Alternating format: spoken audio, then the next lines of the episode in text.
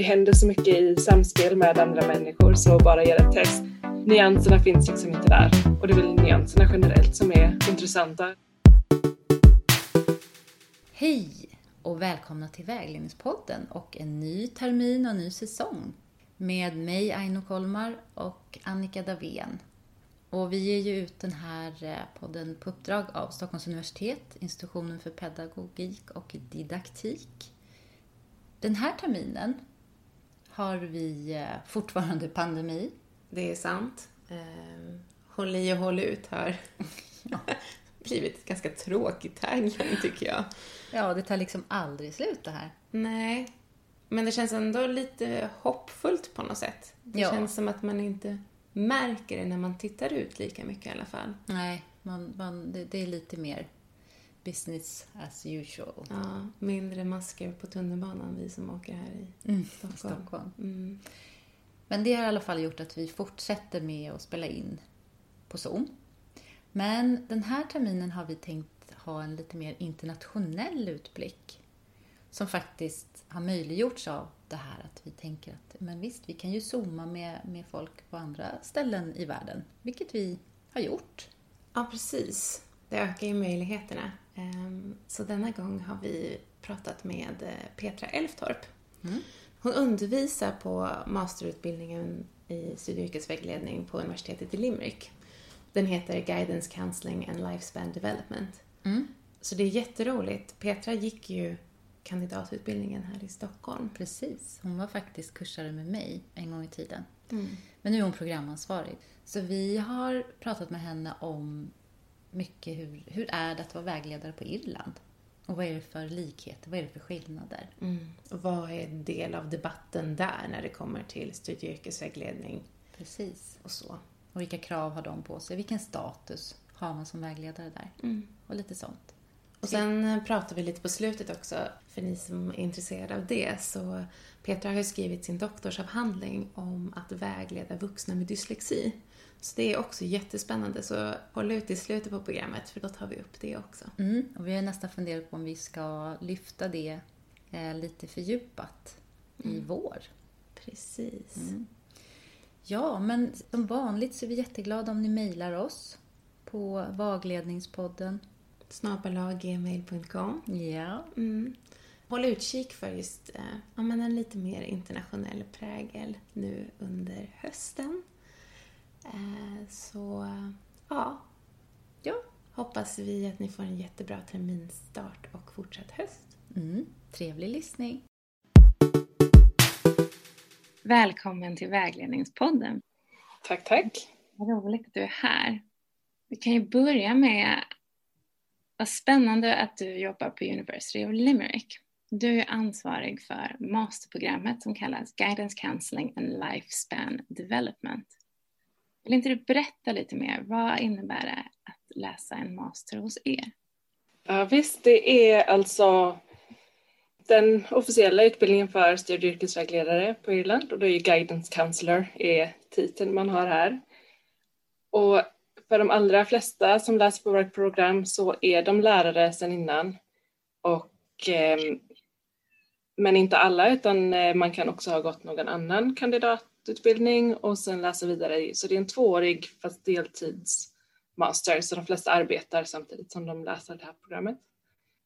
Ehm, och det har funnits, vi firar 25 år nästa år så det har funnits ehm, sedan dess.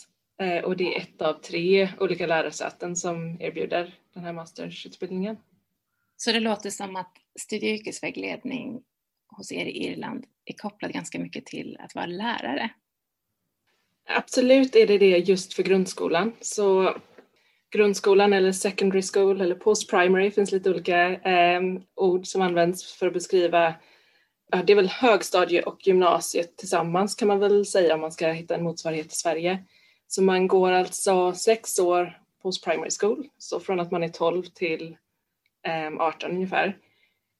Och under den perioden så har man alltså enligt skollagen rätt till studie och yrkesvägledning. Och ska man arbeta just på grundskolan så måste man vara lärare också. Så det är liksom en påbyggnad på lärarutbildningen kan man väl säga. ska man jobba utanför just den sektorn så behöver man inte vara lärare sedan innan. Så det är inte ett krav för att gå utbildningen och det är inte ett krav för att jobba som vägledare med vuxna. Då. Okej, så om man vill jobba med ungdomar eller 12 till 18 då ska man vara lärare och vill man jobba på arbetsförmedling eller liknande eller på universitet då behöver man ha någon annan kandidat i grunden helt enkelt. Ja, precis och då ska det ju gärna vara något som man har fått någon slags relevant grund också, alltså något kan vara, ja, det kan ju vara ganska brett var man kommer ifrån och vad man har för bakgrund men även arbetslivserfarenhet är något som vi gärna tillgodoräknar när det gäller eh, studenter mm. som kommer in och som har mycket annat i bakgrunden.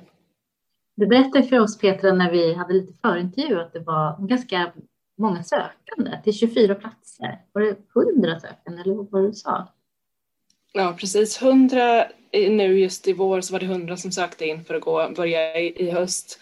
Och vi har 24 platser och jag har pratat med andra eh, lärosäten också och där har de haft samma erfarenhet att det har verkligen blivit ett uppsving i hur många som söker. Ganska många andra år så har de haft det där 15-16 på det här programmet. Eh, men nu får vi alltså säga nej till en väldigt många sökande. Så det jag, jag tror faktiskt att den här pandemin har haft lite eh, ja. påverkan på det också. Folk har suttit ner och verkligen funderat på, nej, men är det det här som är rätt för mig eller inte?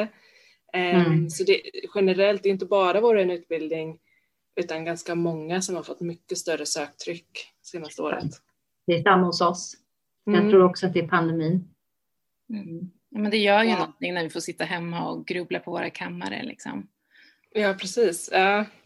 Men skulle du säga att studie och yrkesvägledning har hur, hur ser statusen ut för studie och yrkesvägledningen på Irland?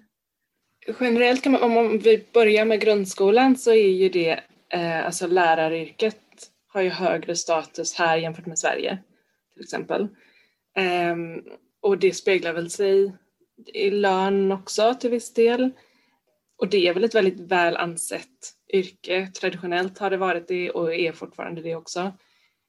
Studie och yrkesvägledning, i och med att det liksom ses som en påbyggnad så, så är det ju också relativt hög status.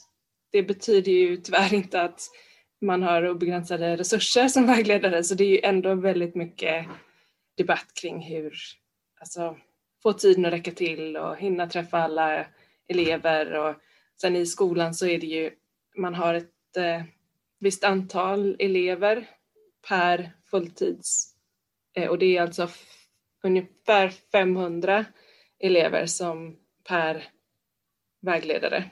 Och det är en standard som är nationell, att det ska vara 500 elever per vägledare per heltid? Ja, eh, alltså det, det var, det, det, har varit eh, en, en sån där politisk debatt eh, senaste, ja, sen 2000, det blir nästan tio år nu. 2012 så tog de bort det som, alltså då var det enligt lag att det, måste, det får högst vara eller att skolan får, nu, nu eh, pratar jag lite baklänges, men alltså skolor är statligt inte ägda eller drivna på ett sätt, men lärare är alltså statligt anställda. Okay.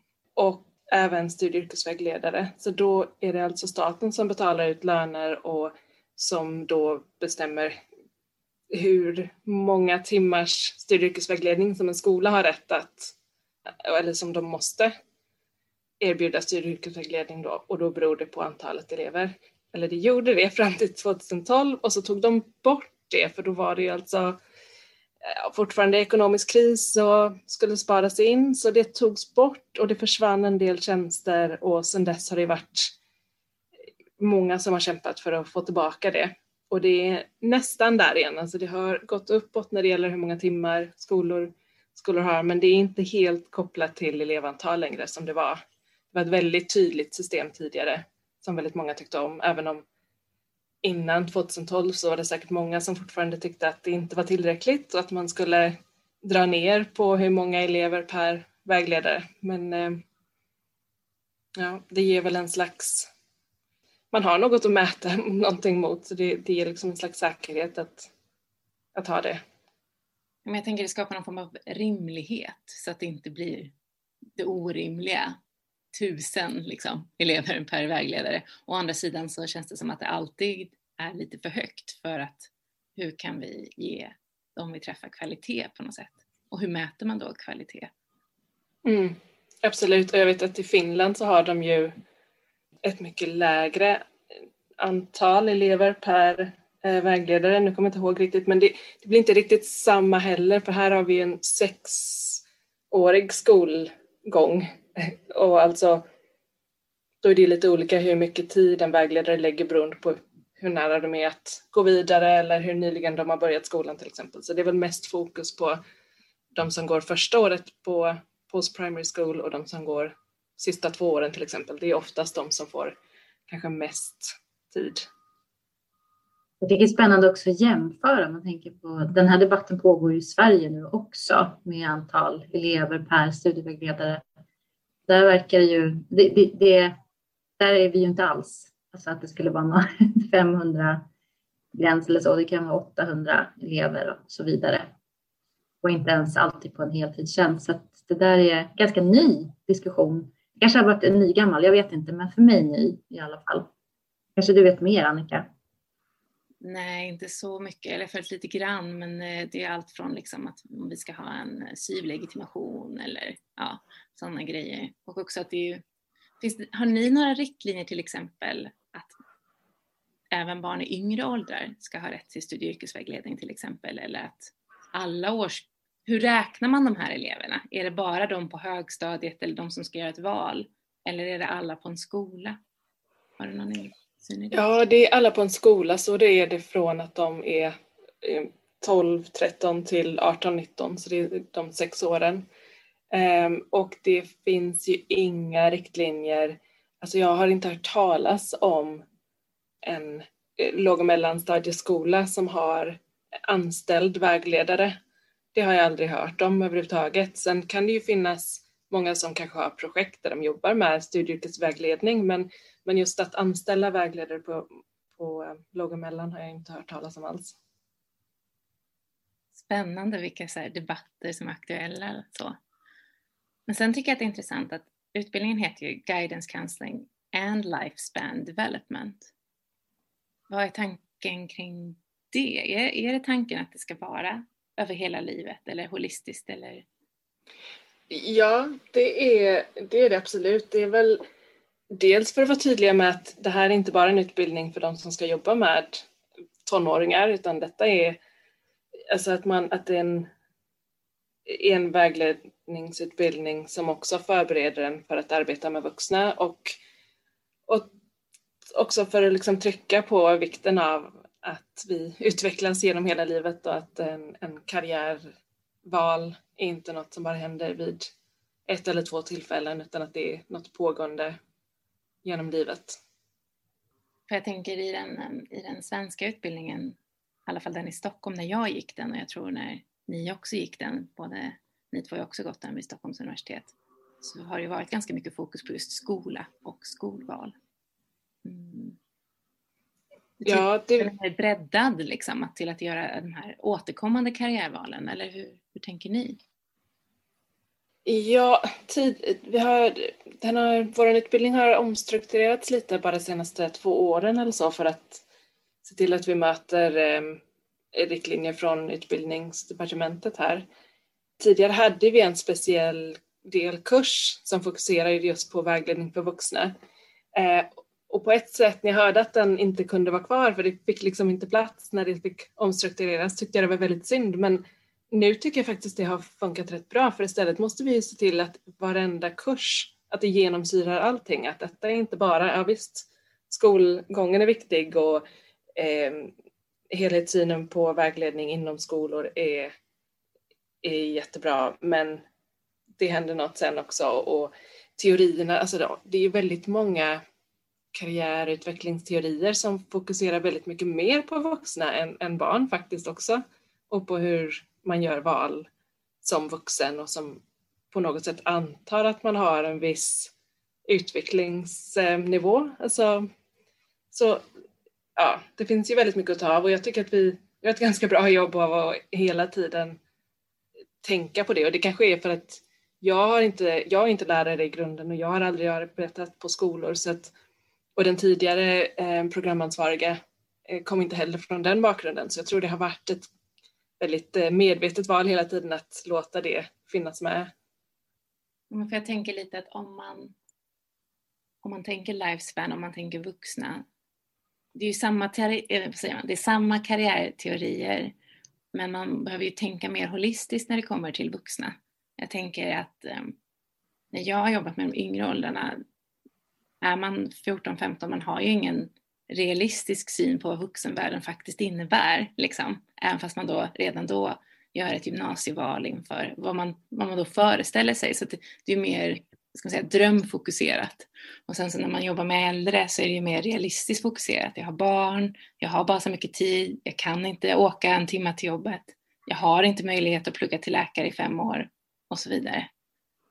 Um, för jag tänker, det, då blir det ändå någonstans någon skillnad i innehåll på vad man lär sig liksom. Um, ja, alltså när det gäller teorier så finns det ju ganska många av de äldre teorierna också som faktiskt trycker rätt så mycket på det som Super till exempel, Donald Super och hans eh, regnbåge och alla roller vi har genom livet och eh, våra egna värderingar och det är väl en sån återkommande sak för jag, jag känner ju lite nu när många kommer tillbaka från praktik till exempel och det är ett väldigt fokus i skolor, framför allt på de här testen. Alltså intressetest och, och allt sådär. Men att det lätt glöms bort, den här kritiska biten om att ja, men man har inte samma intressen hela livet. Det liksom går inte att grunda allting på hur, vad vi hade för intressen eller värderingar som 15-åringar eller vad vi nu är. Ehm, så det är, ja, jag tror vi har lite jobb där om att det, alltså, det är ett verktyg som är så är smidigt att ta fram. Det är lite som att vi har en medicin och en diagnos och en, ja, något att jobba med. Så jag tror också det handlar lite om när man är, om man är kanske lite osäker i sin roll, så om man då kan få fram ett resultat på någonting inom en halvtimme så har man liksom åstadkommit någonting. Så det, det ser jag lite som min roll att eh, hela tiden ifrågasätta hur, hur värdefullt det är och, och tänka på alla andra bitar också. Det låter spännande. Det är lite grann som att jobba utifrån en manual. Mer att man plockar fram sin manual, steg ett, steg två, steg tre, klart. Och jobba med den typen av, av tester. Men de är ju bra. Det är bra verktyg, absolut. Ja, precis. Ja, och det är väl också det där med tidsfristen kanske. Att här kan ja. vi ge samma test till en hel klass på en gång. Alla får ett resultat. Men frågan är väl hur mycket tid man har att följa upp och och verkligen använda dem på bästa sätt. Ehm, och sen tror jag också det är de som kan väldigt lite om vägledning, de tänker väl också på de där, kanske har gjort de där testen själva, så det kan ofta vara politiker till exempel och ofta som man hör olika labour market actors, alltså lobbygrupper och sådär som, som pratar väldigt mycket om det här med matcha intresse med jobb och så blir allting toppen. Men det, det är ju inte riktigt så lätt. Um, men det finns en sån diskurs i samhället tycker jag generellt från folk mm. som inte alls har med vägledning att göra. Så det är väl lätt att köpa den. Ja, och sen också den här med artificiell intelligens, den utvecklingen också. Då skulle man ju kunna ha vägledningsrobotar som, som ställer, ja, som man matar med olika test och sen så spottar de ut ett resultat. Det är väl, den, den diskussionen finns ju här också. Det, ja, det är en diskurs i, i hela liksom, västvärlden kanske då. Ja, precis, att det går att lägga ihop ett plus två och så får vi ett tydligt och um, ja, tydligt svar och råd om vad vi ska gå och information som att vi inte alla är överinformerade om allt möjligt. Mm. Men det blir ju lite konstigt om, om så studie och yrkesvägledning ska vara någon form av diagnos. Liksom. Man skannar igenom kroppen och alla ens liksom, kompetenser och sen så här är din diagnos, du är sophämtare mm. liksom, eller vad mm. som helst. Att, eh, jag tänker att det är också en värdering då i sådana fall. Att så här, får vi förändras i samhället? Får vi självutvecklas? Och måste man jobba också med det som man är bra på? Får man välja någonting annat? jag kanske är jättebra på att sjunga men det betyder inte att jag nödvändigtvis vill jobba med det eller vad det nu kan vara. Mm. Jag kommer att tänka på, det har gått en dokumentär nu nyligen i Sverige om eh, Waldorfskolan, en, en särskild Waldorfskola i Järna, Solviksskolan. Och där pratar de ju om, inom Waldorf så har de ju olika typer som de delar in barnen i då. Flegmatiker och, och så vidare. Det är olika kategorier som, som då är bärare av olika eh, personlighetsdrag. Och jag tänker också på sådana här tester i, i eh, veckotidningar också. Så där. Du är en röd eller du är en grön och du är en blå. Jag, jag, är lite allmänt skeptisk till de här. Alltså för det blir på något sätt att man blir in... Man blir satt i en mall och en, man får en stämpel. Och det pratar jag om de här Waldorfbarnen om också. Att det där är svårt att liksom skaka av sig. Jag är en sån där som inte är den bra typen eller mycket liksom värder, värderande i det också.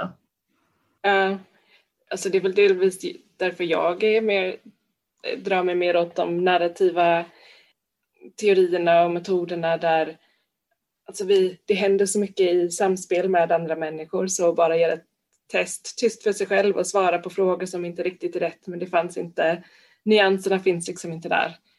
Um, och det är väl nyanserna generellt som är intressanta, roliga och värda att utforska mycket mer i livet i alla mm. områden jag. Verkligen. Och, och vidga sina perspektiv om vem jag är på ett annat mm. sätt då också. Absolut. Ja. Då, då, behöver man ju någon annan som hjälper en att göra det. Att liksom se, få syn på nya facetter hos, hos mig själv. Och jag tänker också mm. på det mm. här att det kanske, just den meningen, jag är en person som. Den meningen kan man jobba ganska mycket med. Um, och kanske säger mer i det som du sa nu Peter om det här narrativa, liksom, att det kan ju säga mer om vad man har för potential än vad ett test faktiskt kan säga ibland. Mm. Men när vi pratade med dig tidigare Petra så pratade vi lite om också så här var vilken roll en studie och yrkesvägledare har. Um, jag tänker att i Sverige så ligger studie och yrkesvägledarutbildningen ganska nära skolan, alltså det ligger oftast på pedagogiska institutioner. Um, och i USA så ligger det oftast som en master fast utifrån psykologi, att man läser en kandidat i psykologi och sen så får man lägga på en master i studie och yrkesvägledning. Och sen så, var befinner sig Irland på den här skalan? Vad är det som förväntas att man ska kunna mycket om som studie och yrkesvägledare? Ehm, det är väl, på papper så är det väldigt mycket mittemellan den eh, nordamerikanska och den europeiska modellen. Så det är mycket fokus. Men det, alltså man pratar mycket om att det är en holistisk syn på individen och eh, ehm, att studie och yrkesvägledning har tre delar. Så det skulle väl inte översättas som studie och yrkesvägledning utan det är alltså personal educational and career guidance counseling. Um, så jag vet inte hur man skulle direkt översätta den. Personlig studie och yrkesvägledning. Så det är um, en hel del psykologi, alltså Rogers och hans idéer genomsyrar allting. Um, Egan och hans um, The Skilled Helper är en sån verkligen, alltså det, det är väl den absolut eh, vad ska man säga, absolut viktigaste kurslitteraturen på programmet skulle jag säga. Om jag, om jag skulle peka ut en enda bok så är det väl Egans Skilled Helper. Eh, och det är ju... kanske ska börja läsa till studie och yrkesvägledarprogrammet, om man bara tar det kort, vad är Egan och vad är Rogers? Eh, det är ju, om man tar ett steg tillbaka igen så är det humanism, alltså det, man har en slags syn på att människor är goda och vill väl, vill varandra väl, vill sig själv väl. Ehm, och, så det är en ganska så positiv filosofi som det grundar sig i. Och sen är det väl det här med empati, att ha, nu försöker jag leta efter svenska ord igen, um, unconditional positive regard, någon som vill, vad kan det heta på svenska? Men, säger man? Man kanske säger alltså Ja, men positiva förväntningar eller tillförlit till det liksom, eller o, vad heter det, osäkert vetande, vad säger vi Aino? Att man är positivt ovetande eller någonting sånt där? Icke-vetande kanske? Ja, jag vet inte. Ja. Ja, ja men det kommer väl också från det här um, humanismens um, positiva inställning att man, man liksom antar att det här är en god människa som man har framför sig. Ehm, och empatin är liksom absolut central. Så IGEN har väl då en liksom trestegsmodell som handlar just om samtalet men fortfarande väldigt mycket inom psykologin. Sen finns det också en modell som vi använder mycket som är utformad av Allian Graham. Eh, det är en bok som, jag tror inte den är uppdaterad sedan 90-talet, men den är, den är väldigt praktisk. Det, det, är en jättebra bok faktiskt med mycket, och det, då är det fokuserat på studie och yrkesvägledning eller guidance counseling.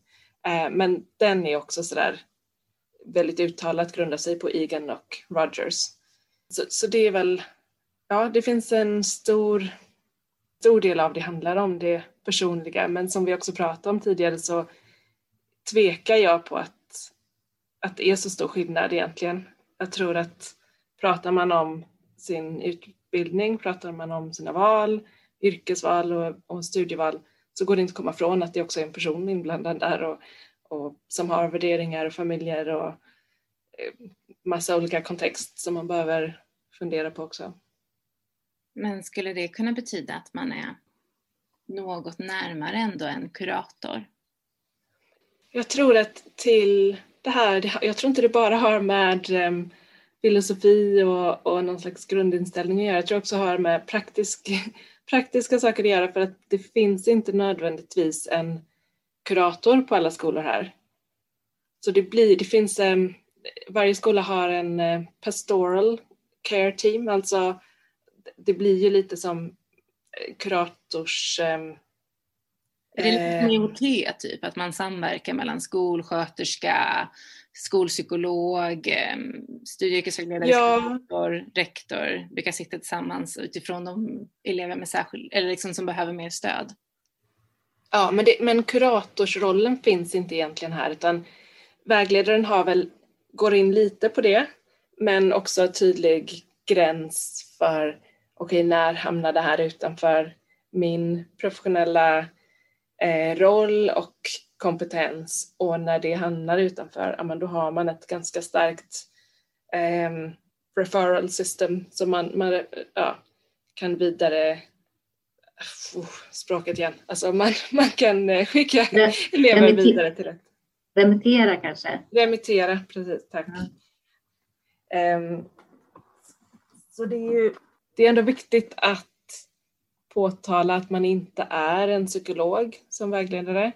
Men, men man går snäppet längre skulle jag säga än i Sverige när det gäller hur mycket av den personligen. Så vägledare är ju absolut väldigt mycket Alltså jag vet när jag gjorde min praktik så jag gick ju min grundutbildning i Stockholm och så var jag, gjorde jag praktik här på Irland för att jag bodde här under tiden så det pendlade ganska långt. Um, och under min första vecka, då var det på ett universitet ändå, men så var det en elev som begick eh, självmord. Och vägledaren var ju central där. Jag hjälpte till att ordna en slags minnesgudstjänst, eller på säga, ja, någon slags eh, sammankomst för, för de andra elever, studenterna på universitetet och sådär. Så man är väldigt, väldigt inblandad i allt som har med den delen, alltså det personliga att göra. Mm, jag kan ju tycka att det är ganska spännande det där. För det, jag kommer ihåg när jag gick utbildningen så var det ju verkligen så här, men vi ska inte prata om personliga saker. Eller det ska inte, det är liksom, man ska hänvisa till kuratorer, man ska hänvisa till psykologer. För vi ska bara prata vägledning och framåt och inte prata så mycket bakåt eller um, samtidigt som att jag själv sen har hamnat och jobbat i sammanhang där människor har väldigt stort behov av att prata. Och också där um, det faktiskt spelar roll att prata bakåt. För någonstans måste vi också göra det. Om man inte, vilka, vilka förutsättningar har man och, och, som kan leda till vilka steg? Um, ja, jag tänker att, att, att inte våga röra vid det, då förutsätter det nästan att man, man har en slags syn på människan som en blank slate, att man är någon som bara kan ta ett, göra ett val utifrån bara här och nu och inte ta med någonting annat i, i, när man funderar på det. Så ja, jag skulle säga att det är en ganska viktig del. Jag tror att det, det som är svårt att få, som vi försöker förmedla, för jag är ju med i den kursen just där vi pratar mycket om det, vad det är för skillnad på, på liksom den här mer psykolog, kurator och, och studievägledare och vad, vad, det, vad den skillnaden består i. Eh, och jag skulle säga att det handlar om bemötandet och empatin. Alltså, och i den formen, empati är ju en form av liksom, hjärta och hjärna måste vara med. Eh, och du, du förmedlar att du ser eh, personen framför dig och dens sorg. Det är jätteviktigt. Eller dens besvär eller dens, vad, vad det nu är. Men jag kan inte i min roll som studievägledare gå in i ett vårdande samtal där jag ska försöka liksom nysta i det här bakåt och försöka hela just den sorgen. Däremot är det jätteviktigt att jag ser den. Det är liksom, där ser jag att det finns en skillnad. Och det i sig kan ha en enorm terapeutisk verkan i ett samtal. Att någon faktiskt ser mig, att jag är ledsen eller att jag har, har jobbigt. Men jag tror att det, det är lite farligt om vi börjar liksom tro att ja, men jag, jag kan jag, jag, skulle själv känna det som, när jag jobbar som studievägledare så vill inte jag gå, gå för djupt i någons eh, liksom, sorg, därför att det är inte min, det är inte min kompetens att hela och att eh, liksom, det är inte därför vi sitter där, det är inte syftet med samtalet. Däremot måste jag se personen i fråga och där kommer den holistiska synen in för mig. Att, att se skillnaden i olika yrkesroller, för jag skulle aldrig få för mig om jag liksom hade en, en, en elev, student framför mig som, som har ett brutet ben och säger att Nej, men jag kan nog lappa ihop det där benet. För det kan jag ju inte. Så, så, för mig finns det liksom, och jag tycker att det kan vara skönt att säga det, att jag kan inte hjälpa dig med de där sakerna, liksom din, din stora sorg eller din trauma som du har berättat om för mig. Jag ska lyssna på ditt trauma. Jag har lyssnat på det och jag hör att det var väldigt jobbigt för dig. Men du behöver ta det med en, en terapeut. Eh, men de här sakerna, vad tror du, ska vi prata om? Vill du prata om det här nu som, som jag kan hjälpa dig med, med, med att planera dina studier och, och så? Där, där tycker jag att gränsen går någonstans. Ja, jag, jag håller med dig och det, det tror jag att eh, de flesta här skulle göra också. Sen så, så blir det väl lite suddigare de där gränserna med tanke på att ja, men om man nu går igenom något väldigt jobbigt även om man inte nystar mer i det, så får man ju fundera, man kommer, kommer det ha någon betydelse för om du kommer klara av de här studierna eller om du borde ta ett år och göra Precis. något annat eller kan mm. du flytta och bo själv eller behöver du stöd mm. från familj eller hur Kan du överhuvudtaget studera? Så. Ja, precis. Och så, jag tycker det var intressant när du sa det med, eh, med ben också och det här med att plåstra ihop eh, på en fysisk nivå. För en sån eh, rekommendation som jag kom fram till efter min studie om dyslexi och vuxna och deras vägledningsbehov, då var det alltså, då tog jag med biologi som en del av tre som vi behöver påminna oss om när vi vägleder. Och biologi kan ju då till exempel också innefatta dyslexi är mitt argument. Ehm, och då är det Världshälsoorganisationen som har en modell för hur vi ser på disability och då är det de här tre delarna biopsychosocial, så biological, um, psychological and social. Och att som vägledare så får vi försöka komma ihåg den biten också hela tiden och hur påverkar det? Ja, men du har, du har ett brutet ben, du kanske inte kan gå på ja, en audition eller den Eh, vad det nu kan vara. Nej, men alltså, ja, men helt enkelt ha den här helhetssynen på personen. Och när det gäller dyslexi som är något som man inte ser också så är det ju viktigt att verkligen påminna sig om att vad tror du att detta kan ha för betydelse i de här scenarierna till exempel? En jättebra jämförelse. För det är på något sätt att, att, ja, men just att se de här olika delarna, ta den här holistiska eh, synen på människan. Att det, ja, du har, du har ett brutet ben. Eh, men vad kan du göra då? Hur kan jag hjälpa dig till att nå det som du vill? Liksom, Men inte börja snacka om hur vi ska laga benet.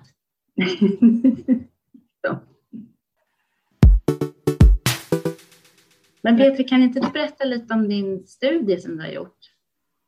Eh, ja, Eh, det kom sig från att jag eh, jobbade med vuxna som eh, räknade sig, som identifierade sig som dyslektiker och det var en osäkerhet i mig själv kring hur jag bäst skulle stödja de vuxna.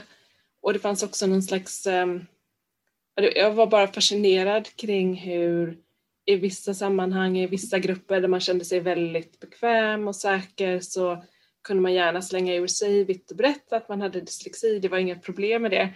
I andra sammanhang så var det det absolut sista man skulle säga eh, inför andra och speciellt inför folk man inte kände eller där man inte kände sig lika trygg. Så det var jag fascinerad över och också just det där vuxna, så det finns ofta ett tydligt system inom grundskola och utbildning generellt när det är eh, ja, väl etablerat vart man kan gå för olika sorters hjälp och, och stöd och så. Men just de här vuxna som hade varit långtidsarbetslösa och återvänt för att få någon slags grundutbildning så fanns det väldigt lite stöd där och det var, ja, det var svårt att veta vad man skulle göra för att hjälpa dem. Så jag började på min doktorand efter det och fokuserade på just studie och yrkesvägledning för vuxna med dyslexi. Så jag intervjuade ett gäng vuxna som var, den yngsta var 18 och den äldsta var 64 tror jag. Ehm, så det var intressant också att se hur det ändrat sig med åren och det har ju blivit bättre får man säga när det gäller deras erfarenheter kring att gå i skolan till exempel och vilken förståelse det som det finns från lärare. Men det var även, det fanns ju några som var ja, 20-årsåldern som hade väldigt traumatiska erfarenheter och alltid känt sig dumma och sämre än alla andra och fått höra att de är lata och att de inte försöker tillräckligt. Så det är väldigt mycket av den psykologiska biten. Så, som, så det, det är väl en sån grej som jag kände att eh, det var flera som sa ungefär att folk måste sluta försöka fixa oss. Det här är inte något som man bara liksom medicinera bort eller att man kan mer läsa och skrivträning. Det, det, det är inte det jag behöver. Jag behöver veta hur jag klarar av det här istället. Eller hur jag kan ta mig runt problemet eller hur, vilken, vilken hjälp jag kan få för att bättre klara av någonting. Um, och att det fortfarande finns någon slags mentalitet, fast det har blivit bättre så finns det fortfarande kvar värderingar i samhället när det har med, alltså att man, det finns någon slags, jag tror när folk inte tänker på det och nystar, nystar upp det så antar man lite att någon som har väldigt goda läs och skrivkunskaper är intelligent. Har man inte de kunskaperna så är det en intelligenssak. Men det, det har ju verkligen ingenting med intelligensen att göra men det är svårt att rubba det. Och fortfarande finns det många olika sorters diagnostiseringsprocesser som fortfarande, där man fortfarande kan ge en diagnos baserat på diskrepansen mellan IQ och läs och skrivkunskaper. Ehm, så det är ju inte konstigt då att det är svårt att få bort dem, det tänket. Samtidigt så kan det faktiskt vara väldigt nyttigt för de här som hela tiden har blivit tillsagda att de är dumma att få göra det här IQ-testet där de får se nej, det här är inte något som har med De får liksom det på papper att jag är inte dum. Liksom. Så det finns, ja. Igen, det är mycket nyanser i sånt där. Du kanske sa det Petra, men vad, vad var liksom eh, vad gick studien ut på? Var det att du skulle jämföra åldersspannet och bemötande eller vad var det? Nej, det var helt enkelt att försöka bena ut vad har man för behov eh, st av stöd. stöd från vägledare som vuxen med dyslexi. Eh, för att få lite inblick av det och för att kunna informera vägledare då om men hur, hur gör jag? För det var väl där det kom ifrån att jag kände mig själv väldigt oviss när det gällde det. Så vad ska jag göra nu för att vara till bäst hjälp för de här vuxna eleverna eller studenterna? Och hur är vi vägledare till bäst hjälp för individer med dyslexi? Alltså det handlar väl om att ha det handlar väldigt mycket om eh, bara hur vi ser på varandra, hur vi ser på dyslexi, att vara informerad, att ehm, alltså jag, jag tror det finns väldigt mycket värde i att ha en diagnos. Ehm, det är inte ett måste såklart, men det går lite ifrån det just nu och det tror jag är sant i Sverige också att, att man ska, måste inte ha en diagnos för att få rätt hjälp. Det ska vara beroende på vad man har för behov istället för vilken diagnos man har. Och det låter ju väldigt fint. Men i verkligheten så blir det mer problematiskt för har man diagnosen så får man lättare stödet. Och sen tycker jag att en diagnos det är ju inte bara att säga vad som är fel på en utan det handlar ju faktiskt om att hitta vad man har för styrkor också och det gör de här eh, rapporterna som man får om man, om man blir om man går för en sån här assessment. Och det är ju, alltså på ett sätt kan man säga att man borde ha rätt till den kunskapen om sig själv. Ehm, för det kan ju vara jättevärdefullt att då satsa på något som man faktiskt är bra på eller att man får bygga upp ett slags självförtroende kring det.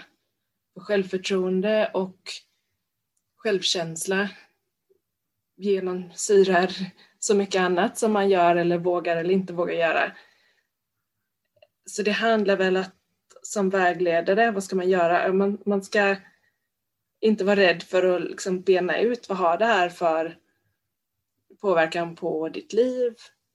Har det, alltså det finns ganska många som undviker många olika scenarier för att de kanske det känns ofta skämmigt att behöva visa officiellt att man inte kan läsa eller skriva eller stava tillräckligt, tillräckligt bra till exempel.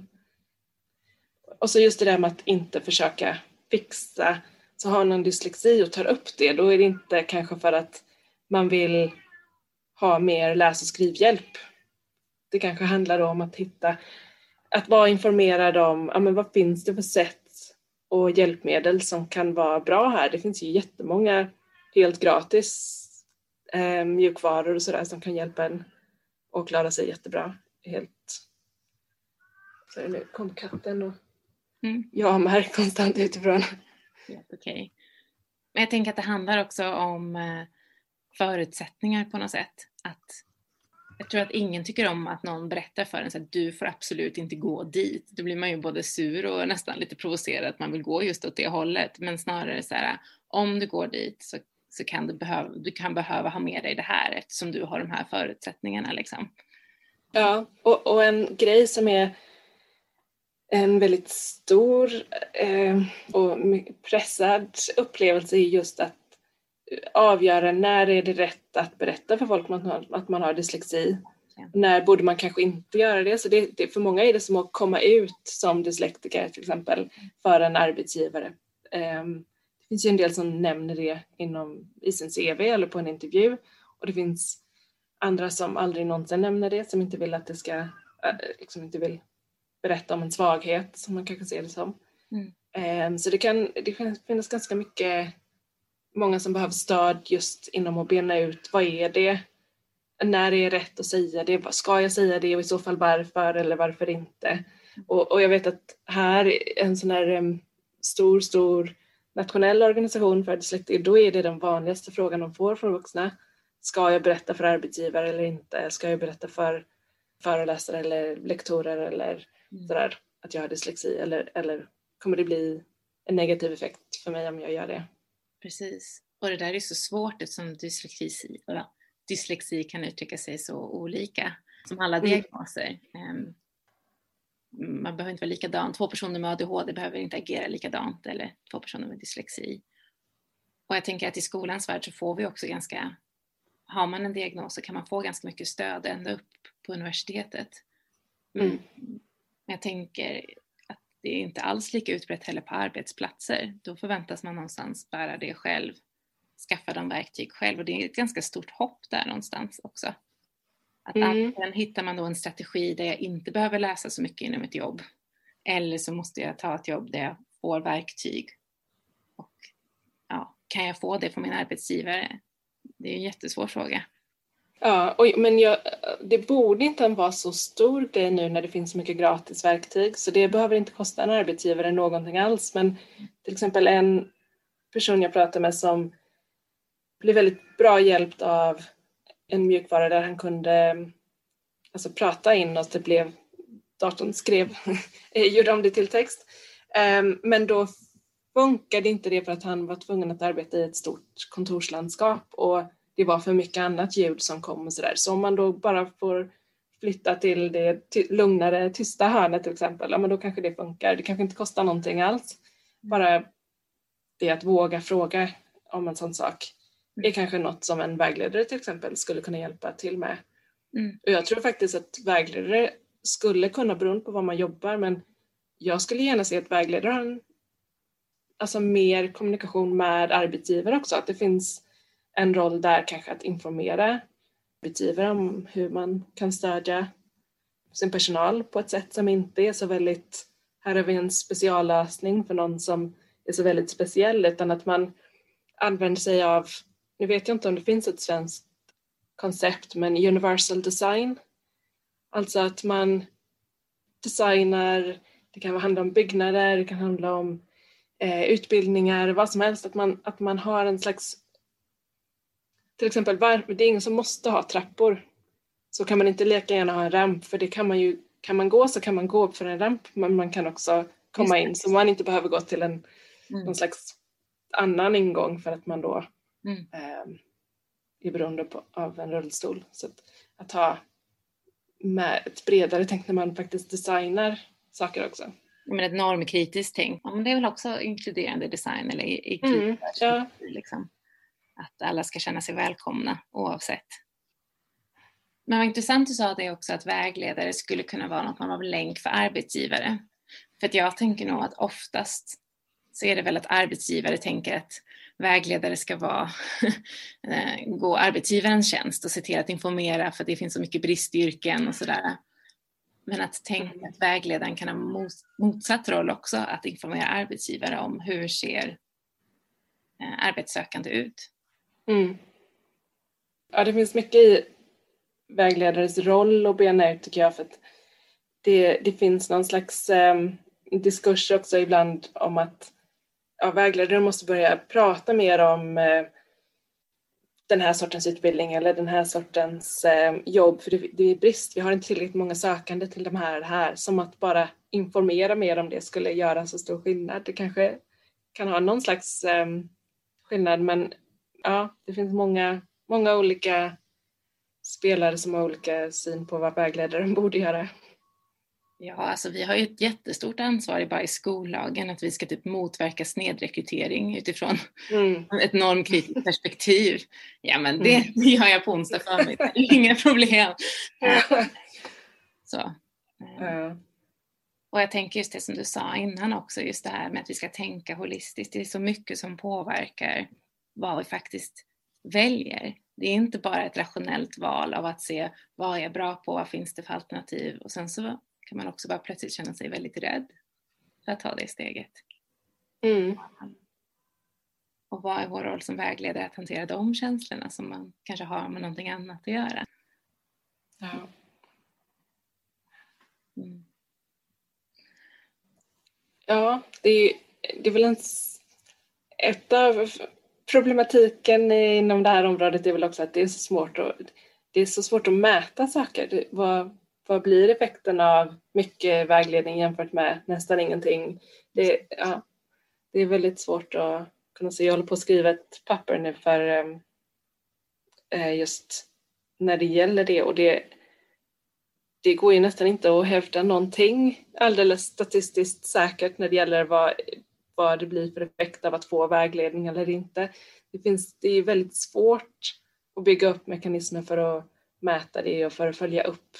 Så eh, det kan väl vara lite otacksamt ibland att vara vägledare för man träffar dem just när de ska göra ett val, när de har lite problem. Ehm, och sen gör de väl ett val och kommer någonstans men det är ju sällan man faktiskt återkopplar fem år senare för det kanske oftast behöver fem år innan man faktiskt vet om något blev bra, om man hade en positiv effekt på på någon sån utveckling. Så det, ja. Ja, spännande, då får du jättegärna komma tillbaka och berätta. Vi som jobbar med det som inte går att mätas. Liksom. ja, precis. Ja. Och så samtidigt så tycker jag att det, allt blir inte bra bara för att vi kan mäta det, men det är väl kanske lättare att hävda sig och Mm. kräva resurser om man kan mäta det. Så det har väl Mm. ja, lite både och med det. Men tack Petra för att du var med i Vägledningspodden. Ja, tack så jättemycket, det var jätteroligt.